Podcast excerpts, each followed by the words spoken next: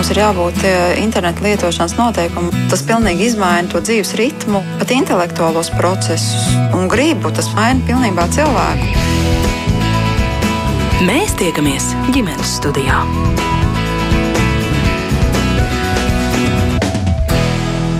Labdien, klausītāji! Pirms dažiem gadiem Latvijā veikts epilepsijas un miega medicīnas centra pētījums, un tas liecina, ka vairāk nekā trešdaļa jauniešu ikdienā izjūt nopietnu miegainību, vairāk to izjūt meitenes un vecāko klašu skolēni. Aptaujātie pusauģi arī min vienu no iemesliem. Vairāk nekā puse atzīst, ka viņi guļ par maz un ka miega trūkums pusauģi, bet eh, nu, mēs tad jautājam, kā miega trūkums pusauģu vecumā var ietekmēt viņu labsajūtu, arī veselību, vai var palīdzēt miega higienas ievērošanai ievērošana, un pie mikrofona šodien esmu es Mērķis Noteņa un studijas viešņas, epilepsijas un miega medicīnas centra miega speciālisti, arī pediatre Marta Celmiņa. Sveiki! Un sveiki arī Bērnu klīniskās universitātes slimnīcas psihiatrei Karīnai Beinertei. Sveiki! Sveiki, bet tātad es citēju dažus faktus no šī pētījuma. Pētījums notika 1918. 19. 2000. 2018. 19. gadā, cik tālā cenā pagātnē es atgriezusies. Uh, bet uh, kaut kas ir mainījies, ir kādi jaunāki dati par šo, kā tad guļ vai neguļ pusauģi. Uh, es vēlētos citēt, varbūt 1970. gadu pētījumus, un es sākumā veidu šo pētījumu, lai noskaidrotu, cik ļoti ietekmē viedierīces jauniešu miegu, un es domāju, nu agrāk, kad nebija viedierīces, nu, tad gan jaunieši gulēja. Patiesībā nē. Es skatījos uz pētījumus, un teiksim, arī tieši tāpat kā mūsu pētījumā, kurā piedalījās vairāk nekā 1000 jauniešu no 7. līdz 12. klasē, jaunākie gulēja tā kā salīdzinoši pietiekami, bet tik un tā par maz, un tad uh, 12 klasnieki jau vispār gulēja 7 stundas 15 minūtes vidēji uh, darbdienās.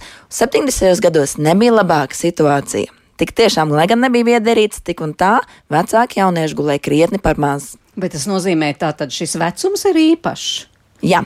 Pilnīgi noteikti. Karīni, jā. Jā. Es domāju, ka tu, tur ļoti svarīgi skatīties uz smadzeņu attīstību. Vispār tas smadzeņu, uh, smadzeņu attīstības posms, kurā uh, cilvēks ir tajā brīdī, ir tāds uh, ļoti dīvains. Ja, dažas smadzeņu daļas attīta, attīstās jau ļoti strauji, un dažas tādas lēnīgākas. Un tās daļas, ka tā, kas attīstās lēnīgāk, ir sevis regulācijas. Viens saistīts ar sevis regulāciju. Viens ir, ka tur um, spēj saregulēt savu uzvedību un savas domas, noprie, noprioritizēt lietas, ja, un vēl ir arī tas, ka kā tu regulē regulē savas emocijas un tās tās uh, lietas. Nu jā, papildus arī tam, ko Karina stāsta, ir tā, ka pusauģa vecumā um, mums izmainās hormonālā sistēma, kas ļoti ietekmē miegu. Un viens no hormoniem, kas mūs ietekmē, ir melatonīns. Tas ir Man liekas, lielākā daļa uh, klausītāju droši vien dzirdējuši par melatonīnu, un varbūt kāds arī to izmanto, ja nevar aizmigt. Bet patiesībā melatonīns nav miega zāles, kā liela daļa cilvēku uzskata, bet tas ir hormons, ko izstrādā mūsu smadzenes. Un šis hormons mums liek justies miegainiem. Normā mums pieaugušiem hormons izdalās vakarā, tad, kad samazinās tumsa, bet pusauģiem neskādēļ šī hormona izdalīšanās smadzenēs tīri dabīgi ir notiek vēlāk. Tāpēc viņiem arī uh, gulētiešanas vēlme ir vēlāk. Un, protams, tad ir arī vecāku ietekme mazinās, ir liels sociālais spiediens, ir, ir liela kārdinājumi. Jā, viss kaut kāds interes, interes, interesants pieredzes, draugi, nu, arī sociālās, sociālos tīklos, TikToks, viss kaut kas, kas piesaista mūsu uzmanību. Mājas darbi, mājas darbi, visādi pulciņi, viss kaut kas tam līdzīgs. Un kas sanāk tā, ka no rītiem pusauģiem jāceļas šā vai tā ļoti agri uz skolu. Viņi pieceļas, jūtas slikti, atnāk mājās, varbūt pagaļ kādu diendusiņu, un viņi joprojām vēl vairāk vakarā nevar aizmigt. Tātad tas kopumiņš. Bet tas nozīmē neizbēgamība šajā vecumā, jo tomēr dati rāda, ka Eiropā pusauģi tomēr, neskatoties uz visu šo, ko jūs stāstāt, guļ ilgāk. Salīdzinājumā ar Latviju? Jā, salīdzinājumā ar Latviju. Nu, tas droši vien arī atkarīgs no tā, kādā veidā veikts šis pētījums, cik daudz, tie, cik daudz dalībnieku un, un, un, un kādā gada laikā jau, teiksim, to datus ievāktu vasarā, tad daudz jauniešu gulēt pilnīgi pietiekami. Jā, bet nu, kopumā tas ir tāds vecuma posmam raksturīgs Plus izmaiņas. vēl, plus vēl kultūrālā ietekme ir ļoti zināms arī tas, ka no valsts uz valsts atšķirās tas, cik ļoti ierasts ir, cik ilgi bērni guļ. Ah, nu jā, un, piemēram, ASV mazos bērnus liek gulēt salīdzinoši agri, Skandināvijā vēl, uh, Itālijā un Spānijā ir siestas. Mm -hmm, bet mēs runājam par pusauģiem, kuri jau tā kā paši tomēr iet uh, gulēt un savā ziņā mazliet jau paši regulē to savu dienas režīmu. Un tieši tāpēc arī ģimenes studija kādā rītā pirms skolas jautāja arī pašiem pusauģiem, cikos viņi aizgājuši gulēt, cik ilgi gulējuši un kā vērtē miega nozīmi. Un lūk viņu atbildes, un es apzināti nejautāju pusauģiem vārdus, bet gan viņu vecumu. Klausāmies atbildes. Cik jums šobrīd gadu? 14. Šonakt, cik ilgi iznāca pagulēt? Mm, tā kā es vēloju gulēt, tāpēc es parasti sēžu telefonā, skatos tiktaku, bet tā es ļoti maz guļu. Nu, cikos vēl, cikos tas ir? Nu, apmēram divos eju gulēt un pamožos sešos no rīta. Tas nozīmē, ka iznāk pagulēt četras stundas. Jā. Kāda ir tā sajūta no rīta? Var piecelties sešos? Jā, normāli. Tomēr miega speciālists jau saka, ka vajadzētu tās astoņas. Nevajag? Vajag, bet nu, es nezinu, man kaut kā negribas vēl gulēt. Es nezinu, pat pamožos un tad neaizmiegu. Cik tev šobrīd gadu? 12. Cikos tu aizgāji gulēt? Vakar? Jā, tā kā mums šodien ir matemātikas olimpiāda, es pārstāvu mūsu skolu. Uh, es aizgāju desmitos. Malacis, tad tu vienmēr tā laicīgi ej gulēt? Uh, atšķirībā, kā ja nākamā diena kā pārbaudas darbs, tad jā, bet ja nav, Tad parasti ir kaut kas 10, 10 rītas. Parasti pēc treniņiem arī smiegāņas, tad arī tā var sanākt, ka aizsaka kaut kas 9 gulēt. Kā arī kāds mammas noskaņojums arī ir. Tātad tev arī nāk miegs tajos 9, 10, un tātad tu kārtīgi izgulies. Tev šķiet svarīgi tas, ka tu vari izgulēt. Jā. vieglāk, ja tu esam mācīties? Jā, vieglāk ir mācīties. Tas, tas tā ir. Man ir 15 gadi. Cikos vakar aizgāja gulēt? Es aizgāju gulēt 11. vakarā. Vienmēr tev izdodas tā 11. aiziet gulēt. Jā, es domāju, man izdodas katru dienu šādi. Un arī aizmiedz uzreiz. Es aizmiegu apmēram 5 minūšu laikā bez problēmām. Kas tev palīdz tā veiksmīgi aizmigt? Mierīgi ieiet vakarā, es domāju. Tas ir viss, kas nepieciešams.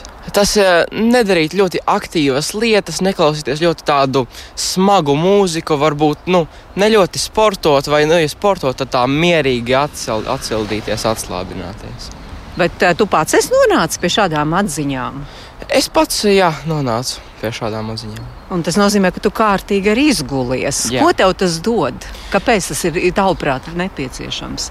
Nu, tas man dod tādu uh, mūžumu un vispār laimi uh, dienā. Tā kā uh, motivāciju darīt jebko.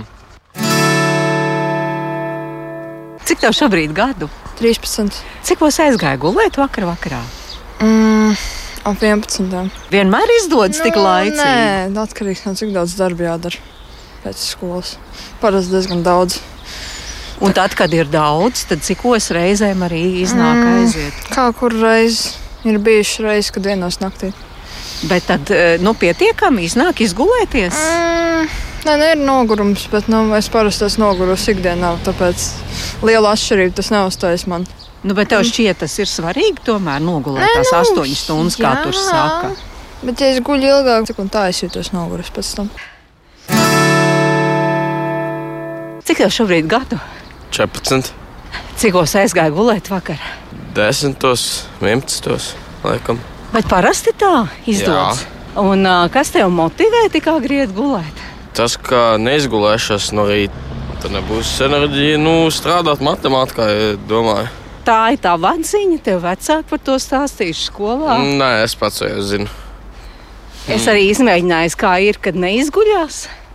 Jā, daudz reizes. Un kā tad ir? Nu, nevar nekā pastrādāt.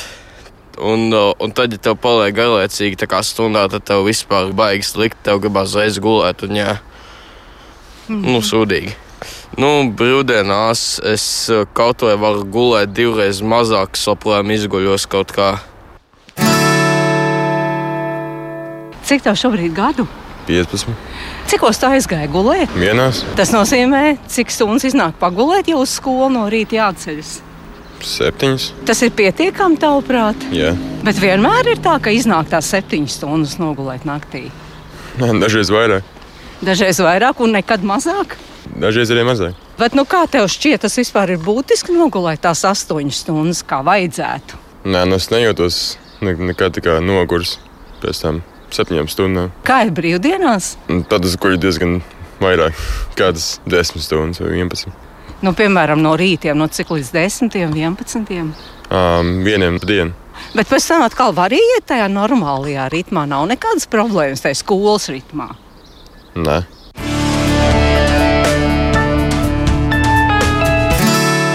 Nu, lūk, jaunieši, jā, tiešām pavisam nejauši satikt jaunieši no rīta pie skolas, viņu atziņas, un, manuprāt, viņi jau ļoti labi raksturoja, cik forši ir, ka esi izgulējies. Tev vēl ir kaut kas piebilstams? Jā, īstenībā pat ļoti. Tas pirmais 15-gadīgais puisis bija fenomenāls. Viņš jau praktiski pateica to, ko vajag zināt visiem - vakarā nomierinošs nodarbes. Un, ja godīgi, es pati esmu bijusi, bijušais sliktais gulētājs pusauģu gados man bija ļoti liela trauksme, ka es gāju gulēt, jo dažreiz pamodos no tā, ka man trūkst elpa un es nevarēju ielpot kaut kāds varbūt divas sekundes. Un tā kā man ir paniski bail no nosmagšanas, tad katru reizi, kad es gāju gulēt, un ja es nevarēju aizmigt uzreiz, man sāka galvā malties visādas neracionālas bailes. Es domāju, kas notiks, ja es aizrīšos, kas notiks, ja es tagad sākšu smagt. Es biju plānojis, kā es lekšu ārā no gultas, kā, ar ko es paņemšu, lai sev plasistu pa muguru, lai sāktu elpot. Un tieši šī iemesla dēļ es pasāku neiet gulēt, bet sēdēju augšā, skatījos filmas. Līdz kādiem trim, četriem naktī, kamēr bija tik ļoti noguris, ka vairs nevarēju nosēdēt augšā, un tad uzreiz aizmigu. Vēlāk, pēc dažiem gadiem, atklāja, ka patiesībā man šīs elpošanas problēmas bija tādēļ, ka man bija skābes atvilnis. Tātad skābe nāk no, no kuģa uz augšu un apdzenēja elpceļus, un man vienkārši bija laringus spazmas, ja pareizāk sakot, balss saites sakļāvās.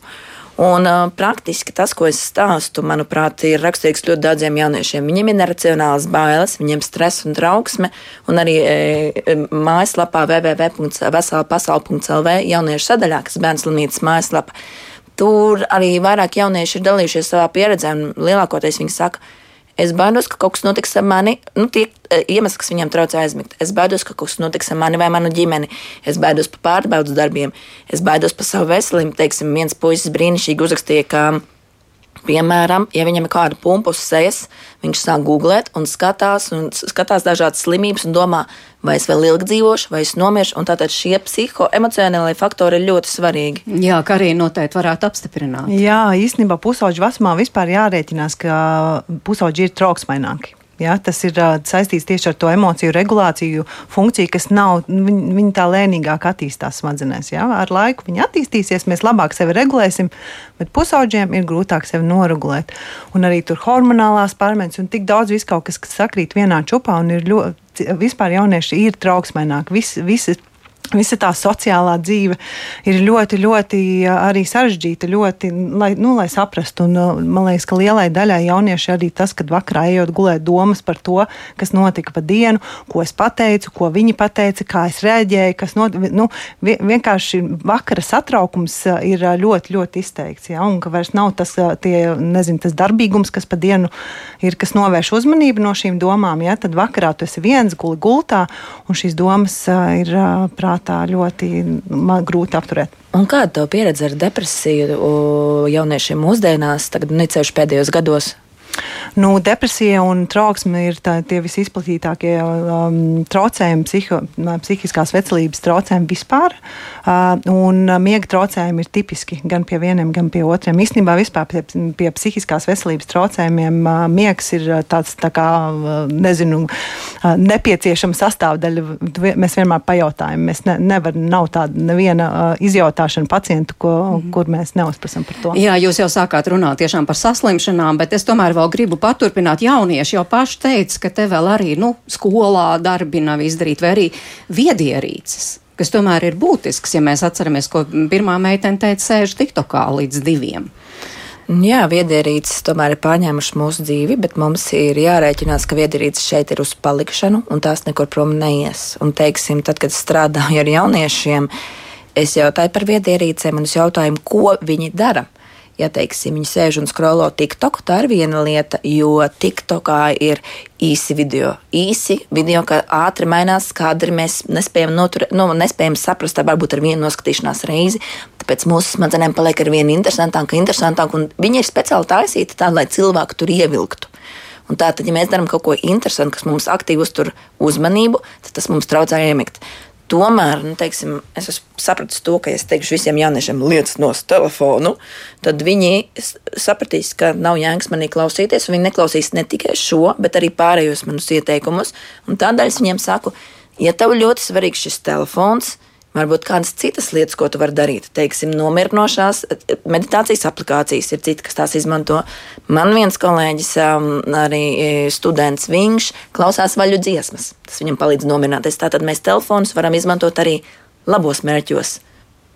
Nu jā, protams, varam izmantot, bet neizmantojam. Nu, vismaz pusē gadījumu neizmantojam. Jā, bet tas ir tādēļ, ka viņi paši to nespēja iedomāties. Un kā Karina teica, viņiem tā pašregulācija ir sliktāka, un tas ir te, tas, kur ienāk vecāki.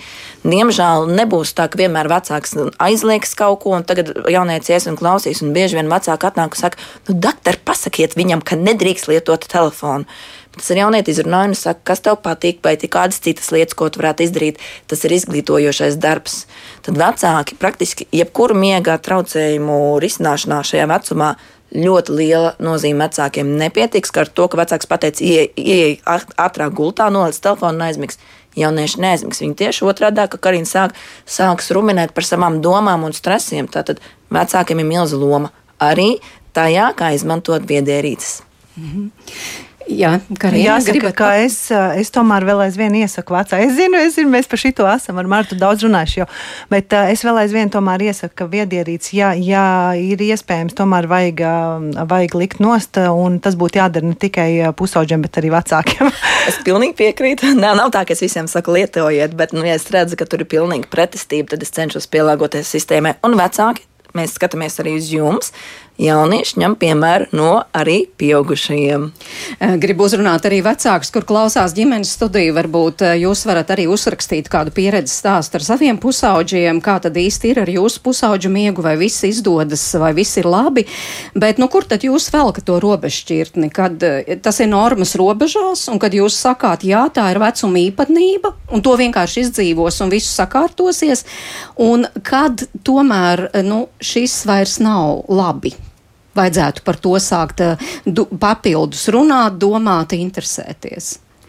Nu, šeit ir jāņem vērā, ka jebkuram cilvēkam arī ar ļoti, ļoti labiem miega un dienas ritma ieradumiem var būt periodi dzīvē, kad uznāk sliktie, sliktais miegs. Gan uh, grūtības iemigt, vai mošanās pa nakti, vai mošanās agri no rīta, un tad nevar aizmigt. Un tas ir saistīts ļoti bieži ar notikumiem dzīvē. Varbūt tiešām arī ir tā iekšējā ietekme, kā es minēju jau ne, jauniešiem, tur hormonālās izmaiņas, smadzeņu un uh, īpatnības. Uh, bet ļoti uh, vienmēr ir tas uh, kaut kāds, kā saka, saka angliski trigger, ja? kad tāds tā kā kairinātājs, kas iestumi vai nu tie ir uztraukumi skolā, eksāmeni vai kaut kāds atricinājumi sociālajā dzīvē, bet nu, šie periodi ir tā kā um, var ielikt, kas ir tas, par, ka varbūt arī nonāk pie speciālista, varbūt, ja, ka ne, netiek, netiek pāri, ne, neatgriežas tas dabīgais ritms.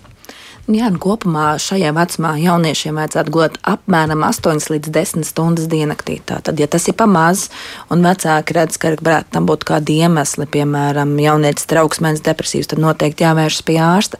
Vai arī tad, ja jaunietis, piemēram, guļ pietiekami daudz, bet joprojām jūtas slikti, tas ir noteikti iemesls uztraukumam. Jo tad varētu būt vai nu tas, ka jaunietim miegs miega daudzums ir pietiekams, bet viņam miega kvalitāte ir slikta, piemēram, elpošanas traucējumu dēļ vai kādu nepārzinātu, neapzinātu kustību miegā dēļ, vai, teiksim, vai rokdziedzera problēmu dēļ, vai arī ir tā, ka jaunietim smadzenēs ir palielināta nepieciešamība pēc miega. Un tad, teiksim, ja vislabākais norādījums ir tas, ka jaunietis saka, es varu gulēt 12, 14, 16 stundas, un es jūtos slikti.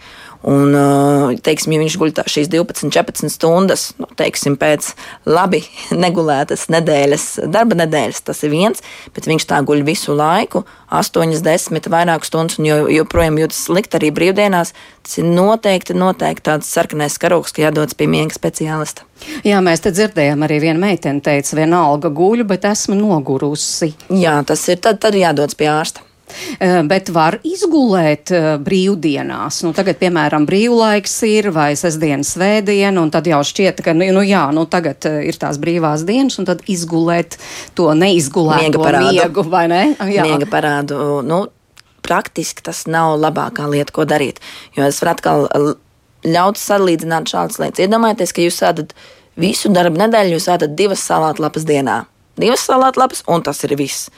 Un tad atnāk nedēļas nogalē, jūs apēdat tādu labi traknu šašliciņu un, un kādas majonēžu mērķus un tam līdzīgi. Un cik jūs labi jutīsieties? Diez vai īpaši labi. Un tieši tas pats ir smadzenēm.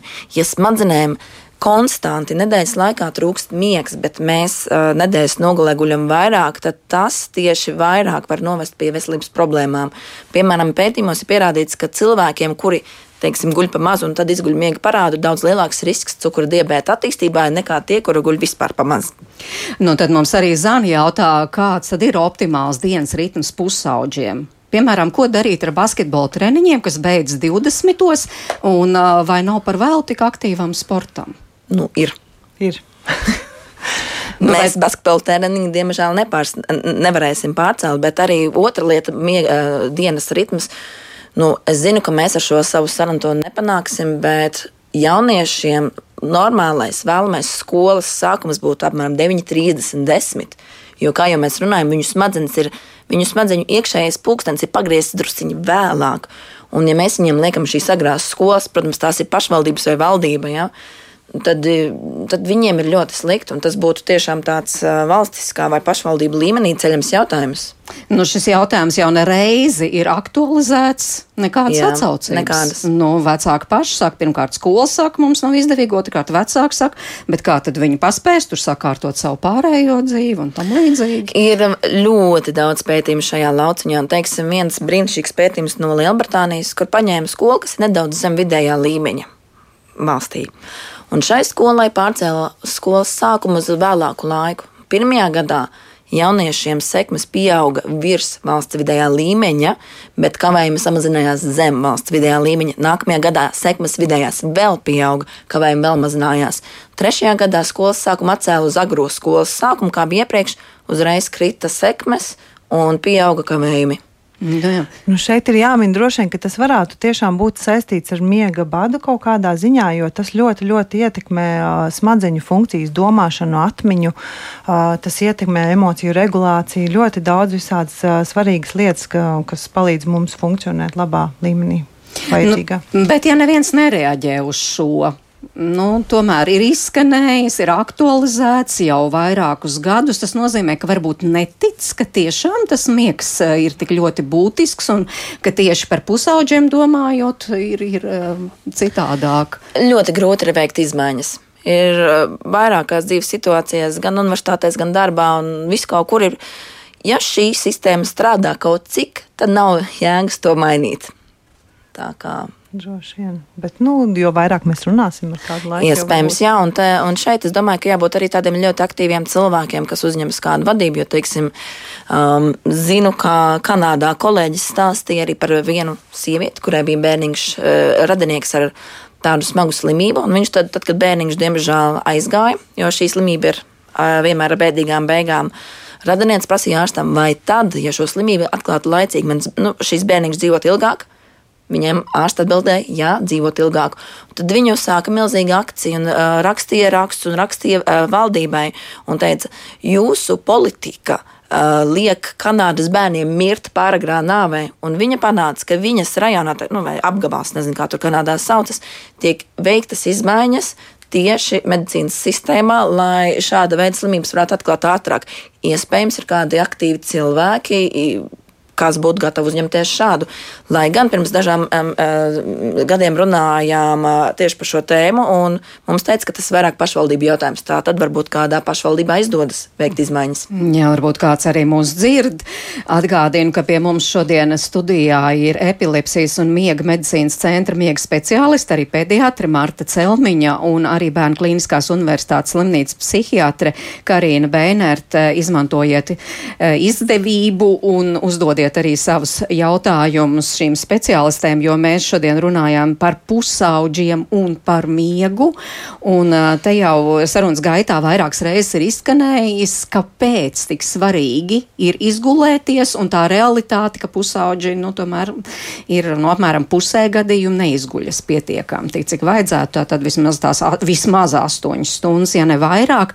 Bet nu tad pabiedējiet vēl tiešām ar, ar to, ka šī uh, izgulēšana izgulēšanās vai neizgulēšanās ir saistīta ne tikai pēc tam ar pusauģu labsajūtu, bet arī reāli ar veselību.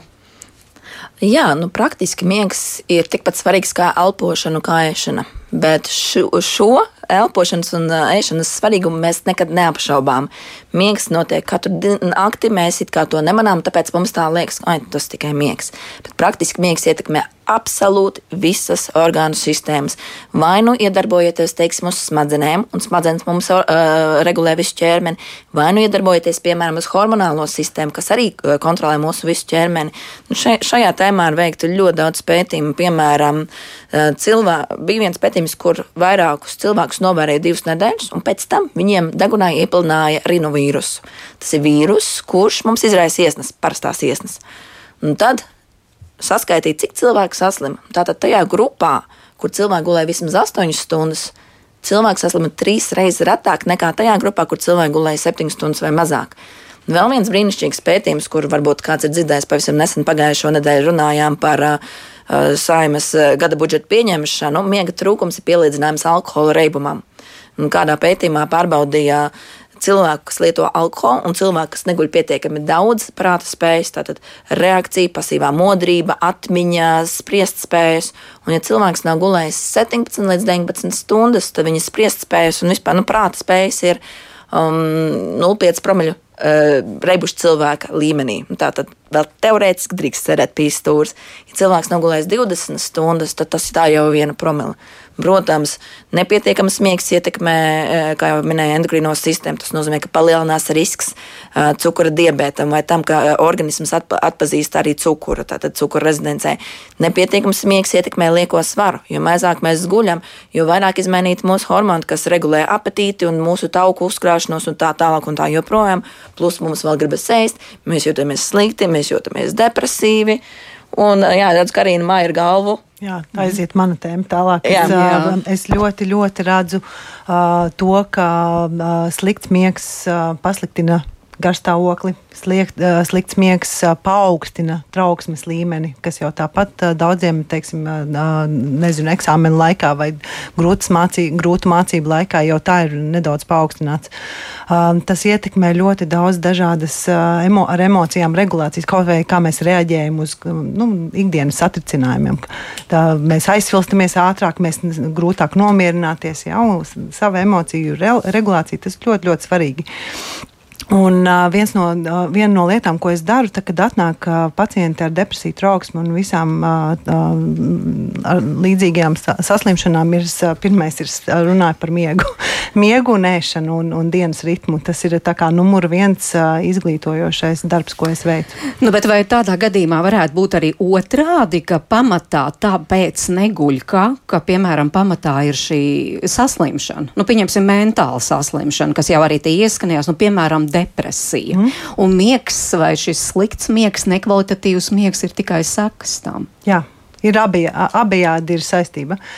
Ir tā, ka depresija var uznākt pirmā, un tad miega traucējumi. Tas ir mans darbs. Tad ar, ar ļoti uzmanīgi izjautājot, saprast, kas bija pirmais.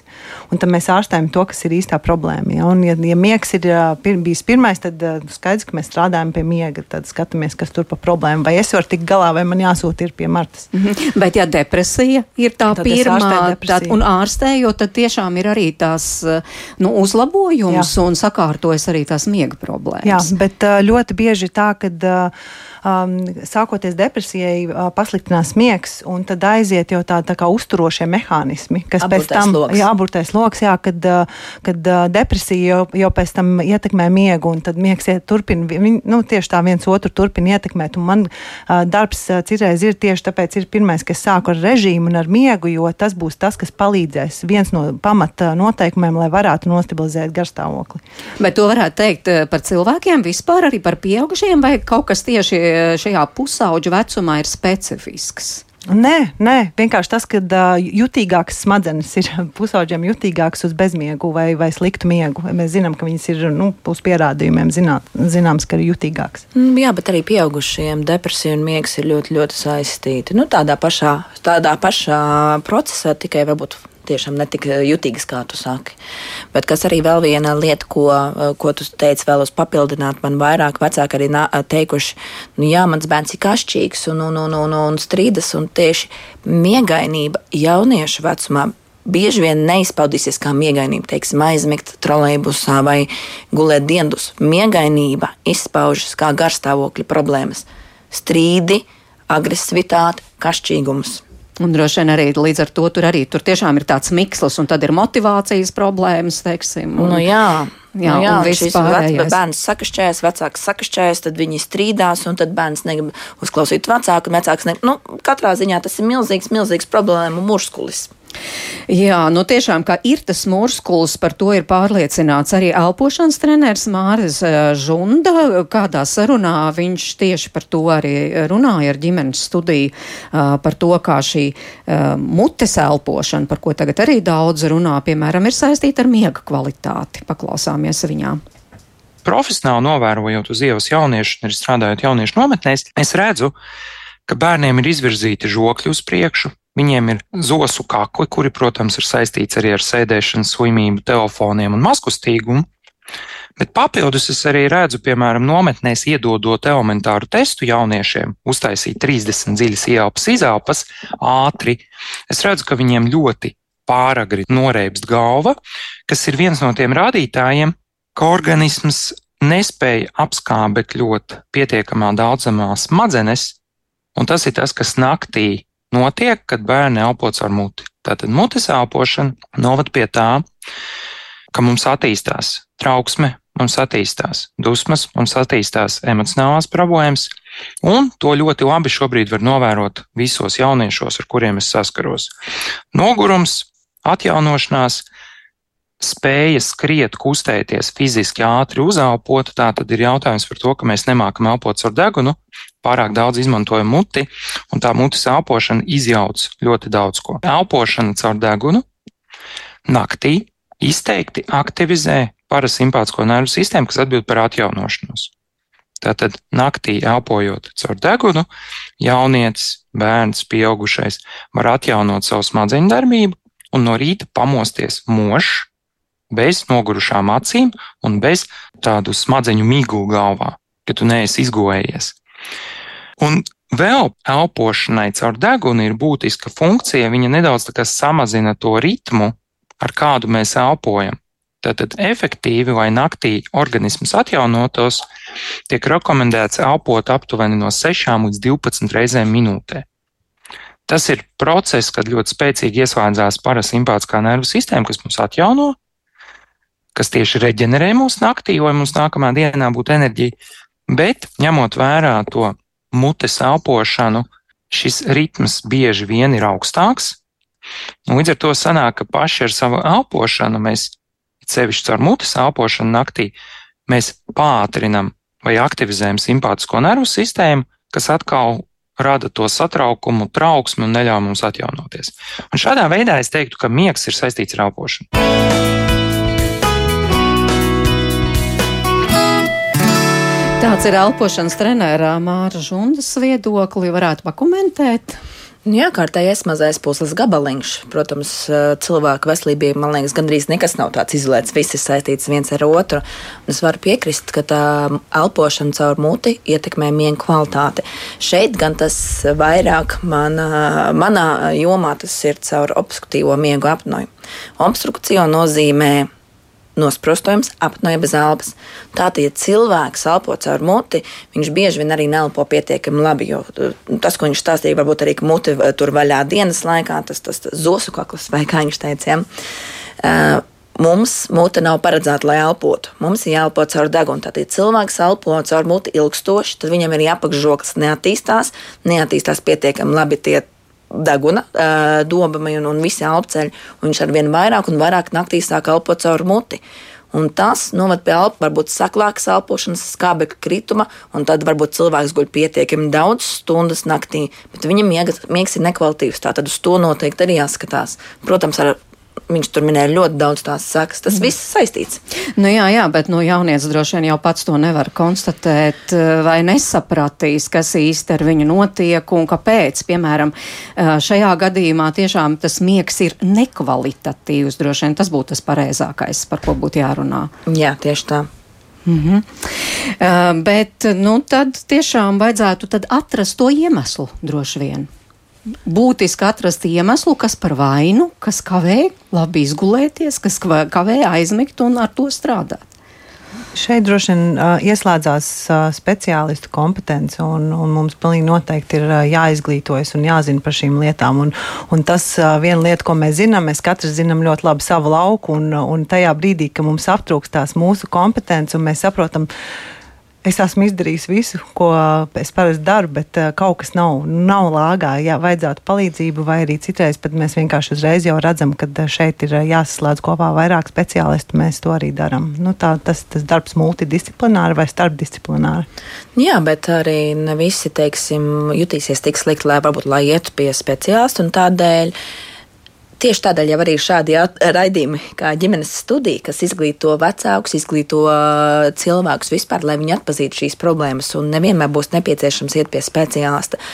Um, manā pieredzē arī diezgan daudz jauniešu, kur ir ārkārtīgi motivēti kaut ko, kaut ko darīt paši savā labā, un tad viņi lasa, viņi izglītojas. Ir arī tādi vecāki, kas ir ar, ļoti daudz izglītojušies. Un tad pirmais, ko vajadzētu darīt, ir identificēt problēmu Kas ir mana problēma? Es guļu pietiekami daudz, bet jūtos slikti. Piemēram, ja mēs runājam par miegu tikai. Mm -hmm. Vai es teiksim, nu, runāsim par biežāko grūtības aizmigt. Tā ir problēma. Kas man izraisa? Tad apsēdieties, pierakstiet. Varbūt dažkārt man liekas, tā pierakstīšana vairāk palīdz. Pieņemsim, es guļu un stresoju par skolu. Es stresoju par to un to. Un, teiksim, ja es būtu tā darījis savos pusauģu gados un būtu pateicis, ka man ir nenormāls bērns no nosmakšanas, un es būtu pastāstījis kādam, un mēs sāktu meklēt risinājumu, visticamāk, man nebūtu bijuši miega traucējumi. Tad pirmais solis ir pašiem identificēt, kas viņu prāti ir šī problēma. Ko līdz mēs to identificējam, varam arī ar to strādāt. Jā. Un tad nokļūst pie, piemēram, pie manis, nonāk pie psihiatra kabinetā vai pie psiho, psihologa, un tad mēs varam strādāt, un uzreiz ir palīdzība tā, kas izklausās būt ļoti noderējusi arī Martai. Jā, jā, bet, jā man būtu bijis no, noderīga tava palīdzība. Jā. jā, bet jautājums tikai, vai šajā vecumā pusauds būs tik drosmīgs kā jūs, Marta. Esat ļoti drosmīgi tagad stāstot arī par savu pieredzi un atklās. Nu, aizies, teiksim, pie mammas vai pie tēta un pastāstīs, zini, neguļu Šeit, jo. Jā, nu šeit atkal ir. Uh, pieaugušu iesaista. Tātad pusauģi nevienmēr sapratīs, tad, ja vecāks novēro, ka viņa jaunietim ir šīs problēmas, aiziet aprunāties bez vainošanas, bez kaut kādiem spiedieniem, tādā, nu, labā, tad, kad visiem ir labs garstāvoklis, kā tev šķiet? Vai, tev, vai tu jūties labi, vai tu labi izgulies, vai tev šķiet, ka gribētu kaut kā citādāk? Nu, ja jā, un nesāciet uzreiz galvenais, tikai tu visu sliktu dari, tev telefons, tā, tā, tā. tā Sāciet ar to izjautāšanu, un, ja jaunieci uh, jums uzticēsies, tad arī būs iespējams meklēt risinājumu daudz labāk. Piemēram, to, ko es esmu novērojis savās vizītēs. Lielākā daļa jauniešu, kurus aptaujāju, viņiem tomēr ir šī trauksme, ir depresīvie simptomi, tad es tā ļoti uzmanīgi un taustoties prasu jaunietim, nu, kā tev šķiet? Vai tev gribētos aiziet vai nu pie psihoterapeita, un tas viņam pastāsta, ko tas nozīmē, vai pie psihiatra, un man pa brīnumu lielākā daļa jauniešu saka, jā, es gribu, man vajag palīdzību, es gribu, lai man palīdz. Un ļoti priecājos par to, ka arī ar vien vairāk un vairāk vecāki saka, jā, protams, mēs viņu aizvedīsim, mums vajag visu sakārtot arī, arī veselību, bet ir joprojām tādi vecāki, kas saka, jūs ko? Pie psi, ja es pasaku tikai psihologs vai skolas psihologs, viņi pasaka, jūs ko? Mans bērns nav psihs, viņš tagad būs kaut kādā sarakstā. Bet es vēlētos aicināt klausītājus nebaidīties, jo, kā es vienmēr stāstu, kā man teica, smadzenes arī ir tikai orgāns, un smadzenēm arī ir dažādas problēmas. Un, teiksim, depresija tās ir vienkāršā valodā runājot, ķīmiskas izmaiņas smadzenēs.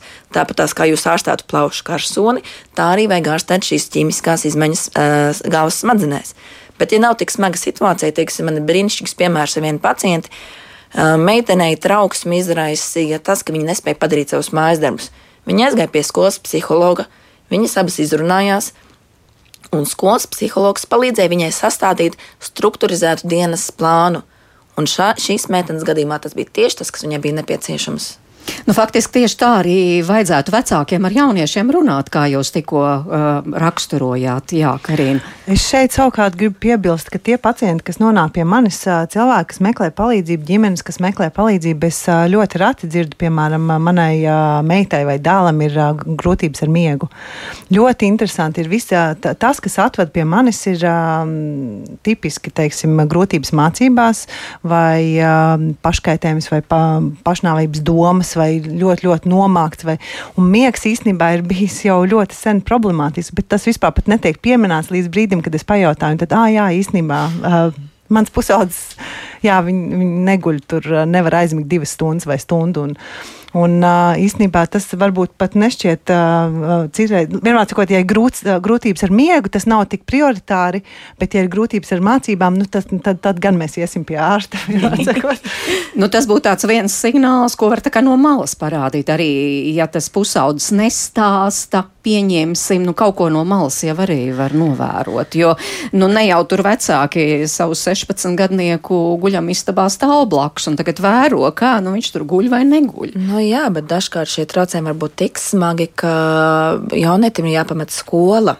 Teiksim, salīdzinoši nesen man bija viena arī meitene, nāca pie manis. Pareizi sakot, mamma viņu atveda pie manis. Meitenei viss kārtībā, un meitene nevar aizmigt līdz pusdien četriem, līdz pusdien pieciem rītā.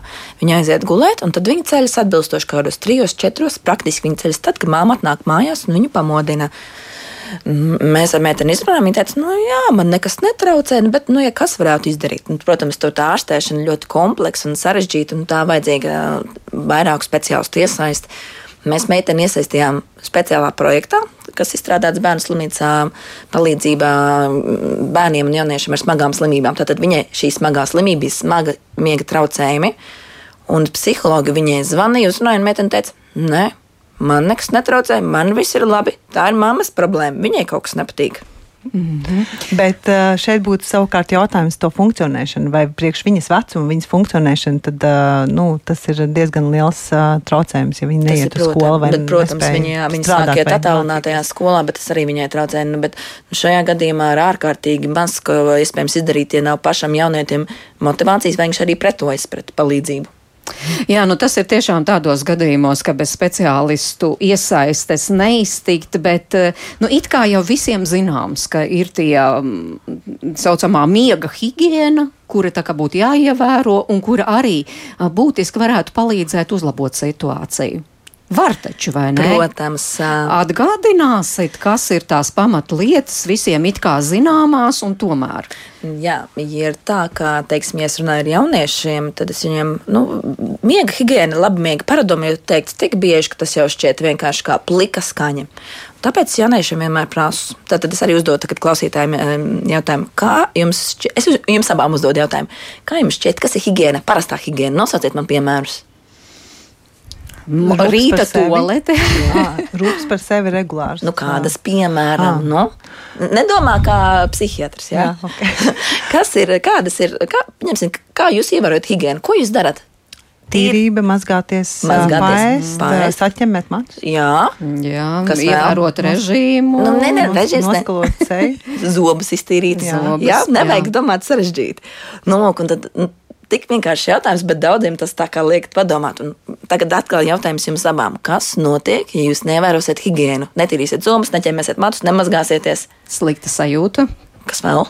Nu, netīrīgi būsim. nu, jā, jaunieši parasti arī saka, nu, būšu netīrs, būšu smirdīgs. Daži saka, izskatīs zobi. Ja? Un saka, nu, re, Tieši tāpat kā ar ķermeņa higiēnu, tā mums arī ir miega higiēna. Tie ir tādi paši paradumi, kas palīdz mūsu smadzenēm labi gulēt. Un šī miega higiēna nav tikai tas, ko tu dari īsi pirms gulētiešanas. Te ir tāda vesela kaudze paradumiem, eh, ko tu vari ievērot dienas laikā. Tad ir konkrēts vadlīnijas tie punktiņi, ko var ieteikt, bet katram punktiņam ir um, individuāli pieeja, teiksim. Un uh, es jau tagad vēlos pateikt klausītājiem vēlreiz www.veselapasaule.lv un aiziet sadaļa tāda jauniešiem, kur būs miega sadaļa, un tur būs viss tas, ko es stāstu rakstīts, un tad varēsiet izprintēt un pāriet pāri un individuāli paskatīties. Un pirmā lieta ir izveidot savu vērtu guļas, guļamietu. Tātad, uh, lai būtu patīkami, lai būtu jauki, lai būtu pietiekami silts. Ja man citreiz tā ir jauniešiem prasa, kas tev traucē, nu, man ir augsts. Es saku, paņēmu otru sagu. Ah, nē, varētu, jā, ļoti elementāri. Otra lieta, svarīga, it sevišķi jauniešu vecumā, gultu izmantojiet tikai miegam, un tad vecākiem jauniešiem arī seksam, ja? bet jaunieši lielākoties gultā pavada ļoti daudz laika. Viņi lasa, skatās televizoru, spēlē spēles, ar, nu, praktiski viņi pavada dzīvi gultā. Un tas liek mūsu smadzenēm zemapziņā saprast, ka gulta ir paredzēta viskaut kam. Tātad, ja mēs ejam gulēt, mēģinām aizmigt, mūsu smadzenēm tas liekas, ka tas ir turpinājums dienai. Trešais ļoti svarīgais paradums, uz ko balstās liela daļa miega medicīnas, bezmiega ārstēšanā, ir nepavadīt gultā laiku, ja nenāk miegs. Tātad, ja mēs iekāpjam gultā un nevaram aizmigt 15 minūtes, kāpjam ārā no gultas, ejam kaut kur citur, darām kaut ko citu, mierīgu, patīkamu, nomierinošu, bet neguļam gultā. Jo tas ir tieši tas, ko vecāki saka, iekāp ātrāk gultā un tad aizmigs. Tā tas nenotiek. Mēs panākam tieši pretējo, jo jaunietis guļ. Viņš sāk domāt, nu, ja es neaizmigšu 5 minūšu laikā, tad es gulē, gulēšu tikai 6 stundas un jutīšos slikti. Un tad, tad tas ir tieši miegam traucējušais faktors. Tādēļ iet prom, darīt kaut ko citu. Es, piemēram, um, skolas laikā es to nezināju, bet es tā tīri instinktīvi domāju, nu, jā, jau es nevaru aizmigt. Palasīšu fizikas grāmatu, ķīmijas grāmatu, būšu produktīva. Sāku lasīt un aizmigu. Viņos, tas man vienmēr palīdzēja. Un vēl viens uh, supersvarīgs ieradums ir gaisma un tumsa. Daudz jauniešu savu istabu uztais palu, aiztais aizskarus, žalūzijas un tad sēž priecīgi.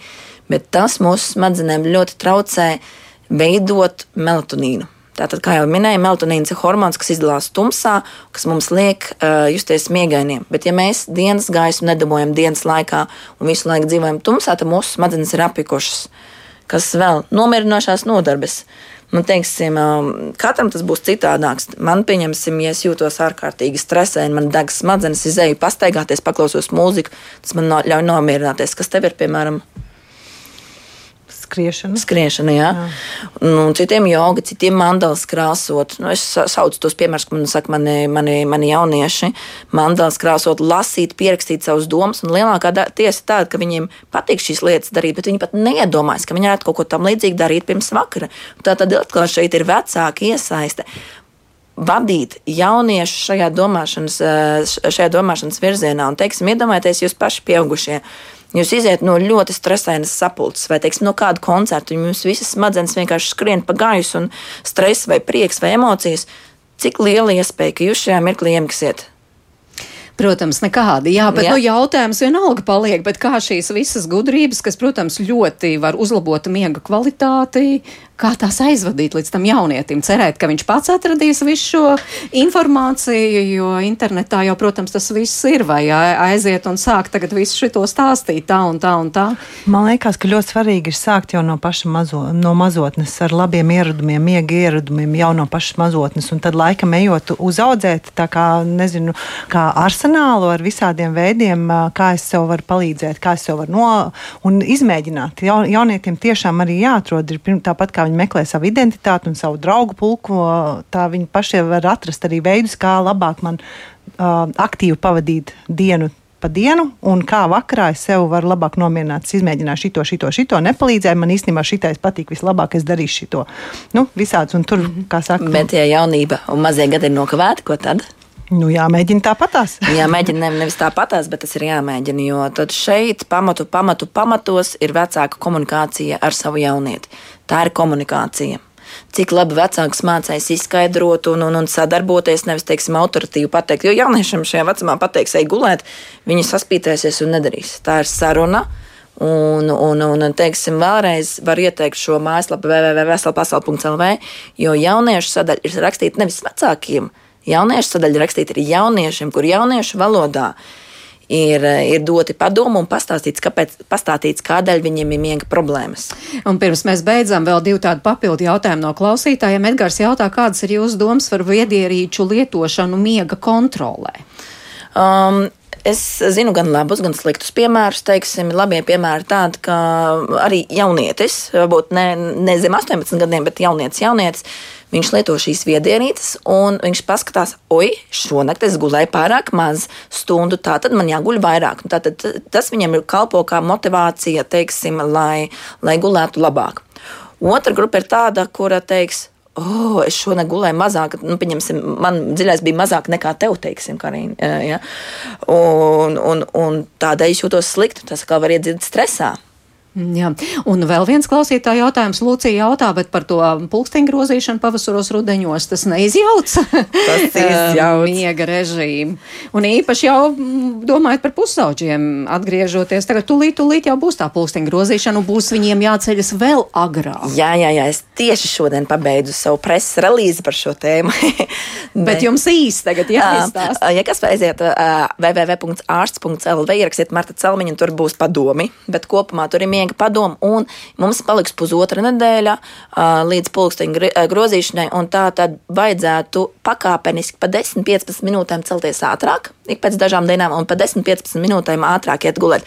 Bet, ja šī aizmigšana ir apgrūtināta kā daudziem jauniešiem, nu tad tāpēc šeit tas parāda, cik ļoti svarīgi ir ievērot labus miega paradumus, lai varētu labi aizmigt. Paldies! Es ceru, ka izdosies. Vismaz kāds ņems vērā un izmēģinās. Jā, un, un, un, un vēl viena lieta, ko es vēlos pateikt eh, par to izmēģināšanu.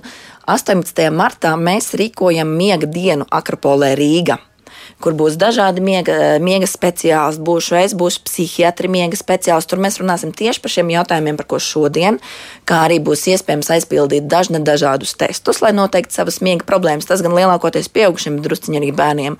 Un Toma Grēviņa vadībā būs dažādas diskusijas par miegu.